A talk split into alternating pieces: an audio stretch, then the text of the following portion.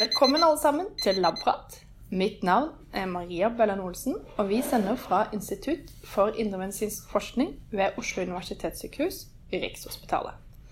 Jean han har akkurat blitt pappa for andre gang, så i dag er det jeg som er stand-in som ordstyrer.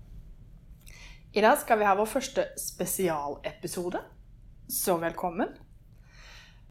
Aller først så må vi bare beklage til alle dere lyttere at den lyden her kommer til å være litt dårligere enn vanlig.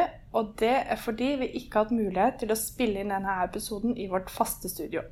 For Joakim, han er på ferie. I stedet så gjør vi opptaket med en litt hjemmesnekra løsning. Men fortvil ikke, neste gang er vi tilbake i studio.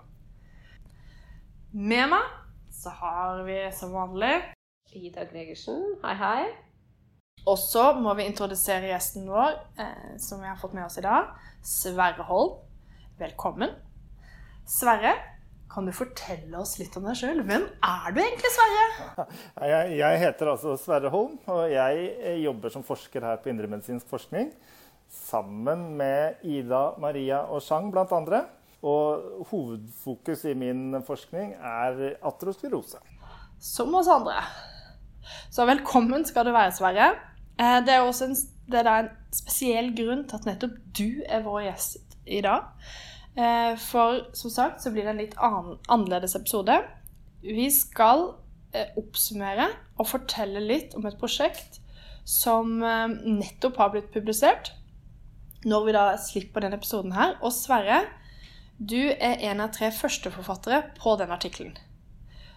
For i løpet av våren så var du med på å studere noe som veldig mange i Norge og hele verden har vært interessert i, og da også bekymra for. Og kanskje vi da kan starte med å minne våre lyttere på hva som skjedde i begynnelsen av mars i år. Ja, eh, på den tiden så var jo vaksinasjonen eh, mot covid-19 godt i gang i Norge. Eh, med flere ulike typer vaksiner. Og her på Rikshospitalet så ble det innlagt fem pasienter med alvorlig blodpropp som raskt ble identifisert som en bivirkning av én av disse vaksinene. Og det ble publisert en artikkel i New England Journal of Medicine med, som bl.a. flere av våre kollegaer fra instituttet var med på. Eh, og de beskrev dette fenomenet hos disse pasientene. Eh, og det var selvfølgelig et stort behov for å vite så mye som mulig om hva som var årsaken til at disse personene da tilsynelatende hadde blitt syke av vaksinen. da. Og ettersom et av hovedtemaene i vår forskningsgruppe, og flere av forskningsgruppene her ved instituttet, er hjerte- og karsykdom, så er blodpropper noe vi har kjennskap til. Og det, vi ble raskt med i et stort team som ble opprettet for å finne ut av hvorfor og hvordan disse blodproppene da oppsto i disse pasientene. Så det teamet bestod av forskere fra vårt institutt og andre samarbeidspartnere med, ved sykehuset som hadde relevant kunnskap da, eh, som trengtes for å finne ut av dette her. Ja, og da må vi få legge til her at uh, dere, da Dere var kun involvert som forskere og studerte det her fenomenet vitenskapelig, og så har dere ikke på noe tidspunkt vært med på å behandle eller diagnostisere pasientene. Og så er det jo selvfølgelig på sin plass å takke pasientene og deres pårørende for samtykke til å forske på biologiske materialer fra deres kjære. Absolutt, Maria. Og dette er viktig å fremheve. At vi både i dette prosjektet vi snakker om her i dag, og i vår forskning generelt, er helt avhengig av at pasienter eh, eller pårørende gir samtykke til at vi kan benytte biologiske materialer fra dem i vår forskning. Og tilbake til det du nevnte, Ida, at dette prosjektet ble gjennomført av et større team som en samarbeidsprosjekt med ekspertise fra flere forskningsfelt her på Oslo universitetssykehus. Foruten oss, som har god kjennskap til hjerte-karsykdom, betennelse og blodpropper, så hadde vi også med oss eksperter innen immunologi, hematologi, kardiologi, nevrologi, i tillegg til annet helse- og laboratoriepersonell. Sånn at, så dette har virkelig vært et stort og bredt samarbeid. Og det er sånn at Når vi refererer til 'vi' som i at 'vi gjorde' eller 'vi fant', så mener vi altså hele teamet. Ja, det, det er veldig viktig å få frem. Eh, for all forskning er jo i grunnen alltid samarbeid. Vi tenker sammen, jobber sammen og oppnår ting sammen som et lag. Og i denne sammenheng da, så viste man virkelig hvor viktig dette samarbeidet er for forskningen. Ja, og så sier jo jeg kanskje 'vi' når jeg stiller et spørsmål, men jeg har strengt tatt ikke vært med på det. Men jeg er kollegaen deres, så da velger jeg å si 'vi'. Men da, så i denne spesialepisoden så skal vi da prøve å oppsummere hva det var vi fant. Men også håper jeg å kunne gi deg et lite innblikk i hvordan vi jobba. Da vi fikk, vi, eller dere, fikk en sånn case på laben. For selv om, da, selv om eh, vi er vant med å få inn pasientmateriale, så var den saken ekstra spesiell. For det virka som at hele verden ventet og lurte på hva som forårsaka de her vaksinebivirkningene. Så tidspresset, det var vel noe utenom det vanlige, Sverre? Ja, vi er jo vant til eh, korte frister, og det er noe vi ofte jobber med. Eh, men da gjelder det gjerne mindre eksperimenter eller små endringer i manuskript. Men her måtte vi altså trå på gasspedalen hele veien. Fra generering av hypoteser, uttesting og utprøving av metoder, analyser på laben, diskusjon av resultater og og ikke minst laging av figurer og sammenskriving av selve artikkelen. Så det var noen hektiske uker og måneder eh, der eh, mange av oss slapp mer eller mindre alle andre prosjekt vi holdt på med. Og for noen så trumfa dette også hele påskeferien. ja, for det kan jo være et sånn rotterace av en konkurranse, for du vil jo gjerne være først ute med å publisere funn da, i denne forskningsverdenen.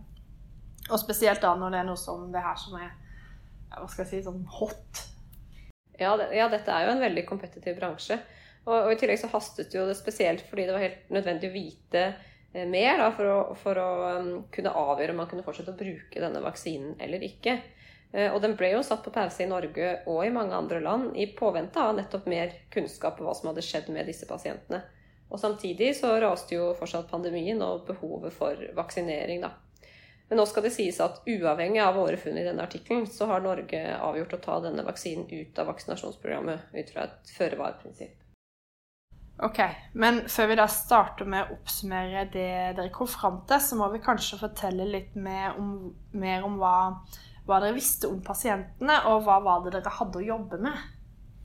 Ja, Det var jo egentlig ganske begrenset. Men i løpet av en kort tidsperiode i våres ble altså fem pasienter innlagt her på Rikshospitalet.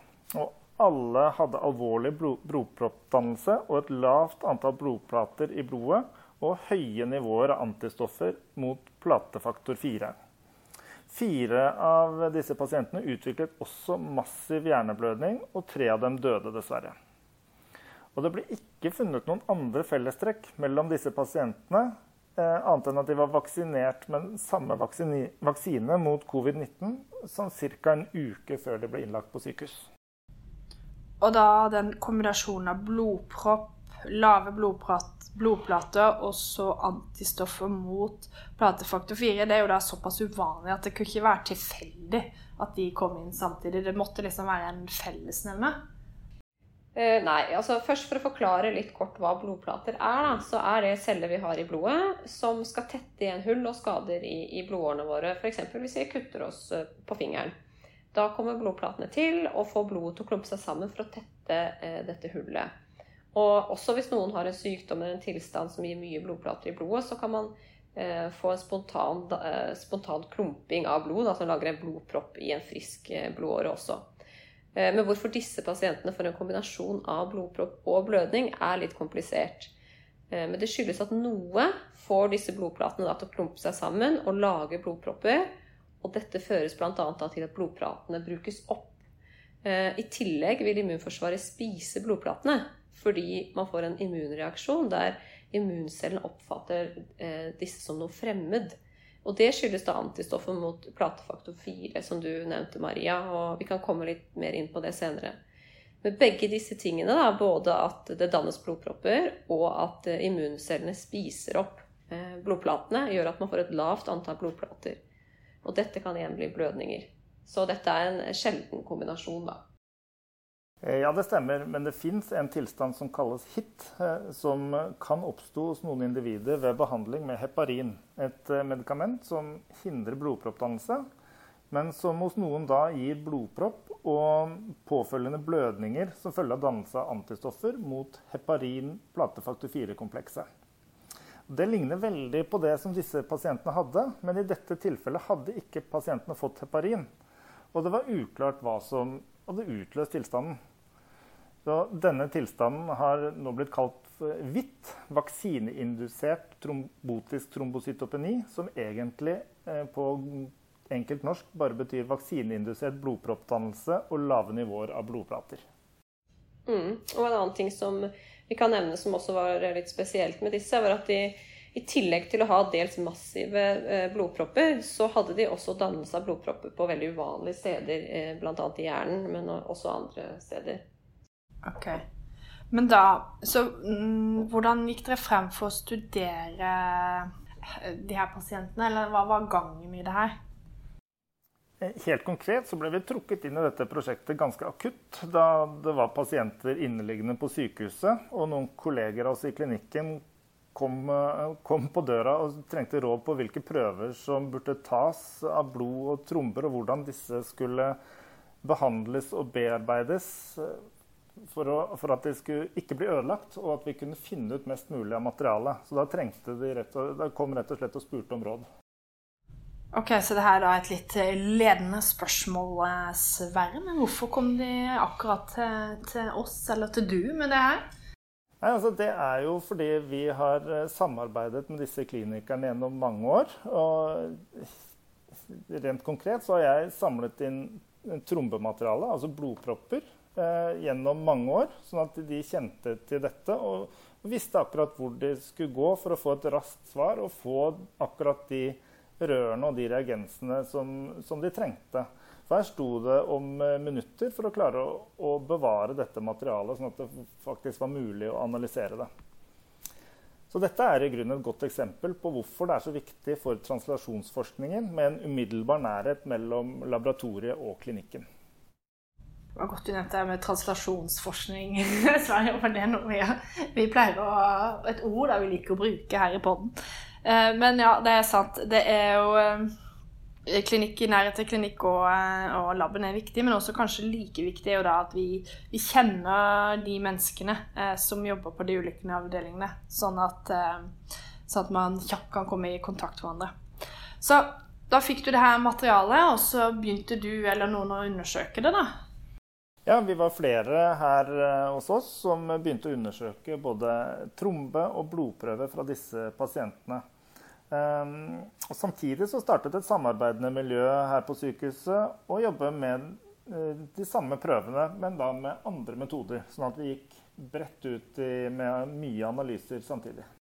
Ok, Så nå begynner folk sikkert eh, forhåpentligvis å bli litt nysgjerrige. Men hva fant dere nå ut eh, ved hjelp av de her undersøkelsene? Jo, nei, vi vet fortsatt ikke hva som utløser denne tilstanden eh, hos disse pasientene da, eh, ved fravær av heparin. Men vi har beskrevet immunresponsen i blodet hos pasientene og sammenlignet den med friske kontroller. Eh, og også da personer som hadde fått den samme vaksinen, men ikke fått eller utviklet denne tilstanden. Da. Og pasientene som utviklet hvitt, de hadde da mye mer betennelsessignaler i blodet. Altså immunforsvaret deres var kraftig skrudd på. Ja, det er jo særlig signaler som produseres av blodplater og av en immuncelletype som heter neutrofile granulocytter, fant vi mye av. Nøytrofile celler er, er, en del av det medfødte immunforsvaret vårt, som svarer raskt når kroppen utsettes for sykdom eller skade. Og vi studerte disse cellene nærmere hos de fem pasientene og fant at de hadde flere av både aktiverte og umodne nøytrofile i blodet sitt. OK, men uh, hvordan, uh, hva gjorde dere da med blodprøvene for å finne ut av det her? Ja, Det har vi jo ikke sagt noe om, nei. Uh, først gjorde vi altså en rekke analyser av blodet fra disse pasientene for å bestemme nivået av mange proteiner som eh, kunne være av interesse. Så ble det også gjort avansert flowcytometrianalyser. Det er en metode for å bestemme sammensetning av cellene i blodet. Eh, dette ble for så vidt også gjort på tromben. Eh, til sist så gjorde vi også en såkalt immunpresiptering. Dvs. Si vi trakk ned platefaktor 4-komplekser med et antistoff mot platefaktor 4, for så å gjøre massespektrometri på dette for å avdekke hva disse kompleksene består av. Ok, Det var litt vanskelig da, men en massespektrometri det gjør du for å se, prøve å analysere og finne ut av alle de proteinene som da er bundet sammen med platefaktor 4. Så det er Ja, du prøvde da å se om det var noe sånn spennende som hang sammen med platefaktor 4, som kanskje kunne forklare eh, den tilstanden de, eh, de var i. Eh, ja, det stemmer. Eh, og der fant vi igjen store forskjeller mellom da pasientene og, og friske kontroller. Og vi fant mange mulige aktivatorer, eller da faktorer som kan stimulere det medfødte immunforsvaret. Vi fant proteiner som er med på å hemme blodproppdannelse. Og så fant vi også noen polyanioner. Og det er jo et litt vanskelig ord, men det er da molekyler som er negativt ladd. Og de vet vi at potensielt kan binde da platefaktor 4. Eh, og det blir jo litt teknisk der nå, men i HIT da, eh, så er heparin dette polyanionet som eh, binder platefaktor 4. Men i denne tilstanden, altså hvitt, så har vi altså ikke funnet den utløsende faktoren som aktiverer P4. Ok, så For å gjøre det her litt sånn der, forståelig for meg sjøl her nå, Ida, så ved HIT da har du denne polyanionen, som da er noe negativt. Og det er eh, Det er da Heparin. Heparin, ja. Mm. Og når heparin binder platefaktor 4, så gjør det noe med platefaktor 4. Forandrer formen på det på et vis, mm, som gjør at det plutselig blir gjenkjennbart for noen antistoffer. Altså, noen mennesker har antistoffer som kan gjenkjenne det. Og ja. da får du da dette komplekset som kan reagere med, med blodplatene. Ja. De antistoffene vil da binde seg til heparin og P4 i HIT. da, mm. Eh, og det komplekset da kan igjen binde seg til platene og aktivere de. Sånn at man får blodproppdannelse. da. Så dere prøvde å, eller dere lette etter noe som kunne ha samme funksjon som heparin? da? Ja, stemmer. Ok, men kan du få Ja, det her er veldig interessant, men kanskje ikke Men også ganske komplisert. Men i stad så snakka du om at dere også analyserte materiale fra tromben. Eh, altså da, den blodproppen. Kan du fortelle litt om det, Sverre? Ja, det kan jeg gjerne. Eh, vi analyserte altså sammensetning eh, av den tromben som vi fikk fra en av eh, pasientene. Det gjorde vi både ved immunhistokjemi, som jo er en metode dere har fortalt om tidligere her i poden, og ved flowcytometri, Eh, som vi også brukte på blod for å se på cellesammensetningen. Ved immunhistokjemi fant vi først veldig slående at det var ekstremt mange celler i tromben sammenlignet med alle andre tromber vi hadde som kontroller. Og da var det spesielt nøytrofile granulocytter det var mye av. Og disse cellene har en helt spesiell egenskap, og de kan danne noe som heter nets. Alex, det, det, er jo himla kult. Kan ikke du fortelle hva det er for noe, Sverre? Ja, Det må vi nesten forklare. Det er en forkortelse for eh, neutrofil extracellular traps. Så Neutrofile celler kan altså skyte ut DNA for å fange opp skumle ting i omgivelsene sine. Rett og slett i et nett av DNA. Og dette fant vi med immunhistokjemi at var til stede i stor grad i tromben. Og disse funnene fra immunhistokjemien ble også bekreftet med flow-sytometri fra trompen. Mm. Ja, så Oppsummert så er jo egentlig dette da hovedfunnene eh, vi presenterer i denne artikkelen. Eh, så vi kommer altså ikke med noen løsning, eh, men det er viktig å ha en grundig beskrivelse av pasientene for å forstå så mye som mulig av tilstanden. da. Og nå har vi kommet et godt stykke til på vei, men jobben er altså ikke da ferdig. Nei, det er vel sånn som med all forskning, at det her er en del av et større puslespill. Så det er vel flere brikker som skal fylles inn. Dere har kommet med noe ny info, så har dere også kanskje fått laga noen nye hypoteser. Så, så uh, tusen takk for det. For denne kunnskapen er jo utrolig viktig for utviklingen av nye vaksiner, for å kunne forebygge nye tilfeller og for å ja, finne en målretta behandling da, om det her skal skje igjen senere. Mm. Men så må vi også trekke frem at dette er jo en veldig sjelden tilstand, da. Men selvfølgelig veldig alvorlig for de det gjelder. Ja, absolutt. Men er det noe der jeg tenker vi må få med sånn eh, avslutningsvis? Ja, jeg syns det er viktig å presisere igjen hvor viktig eh, og hvor sentralt samarbeid på tvers av profesjoner og avdelingen var for at dette skulle være mulig å få til. Eh, og at prosjektet virkelig har fremhevet viktigheten av samarbeid i forskning og evnen eh, til omstilling. Ja, og igjen er det viktig å presisere at uh, dette virkelig viser viktigheten av uh, nærheten mellom forskning og klinikk og pasienter. Og uten dette tette samarbeidet med klinikere og tilgjengelighet på pasientprøver, så hadde ikke dette vært mulig å gjennomføre. Um, så har vi også sett nytten av våre biobanker, altså det biologiske materialet. Vi bruker mye tid på å samle inn. I dette tilfellet så kunne vi f.eks. bruke blodpropper som vi allerede hadde samlet inn, som kontrollprøver til tromben vi fikk fra pasientene. Ja, OK. Så, så selvfølgelig, for å oppsummere her nå dere to, så er nærheten til klinikk veldig viktig for at dette studiet kunne bli gjennomført. Og det har vært et samarbeid mellom ja, så å si nesten hele sykehuset, har det ikke det? Jo, det var mange avdelinger. Ja, absolutt. Så da sier tusen takk til dere to. Og så sier jeg tusen takk til dere som ville høre på denne spesialepisoden. Og er du interessert i å lese med, så vil vi legge ut linken til artikkelen på sosiale medier. Det vil Ida sørge for. For du kan jo da finne oss på Instagram, Twitter og Facebook. Og Der vil du også få en oppdatering om, vår, om når vår neste episode vil bli publisert. Og så vil vi jo da kanskje få med oss sjangeren. Så vi høres. Ha det bra. Ha det.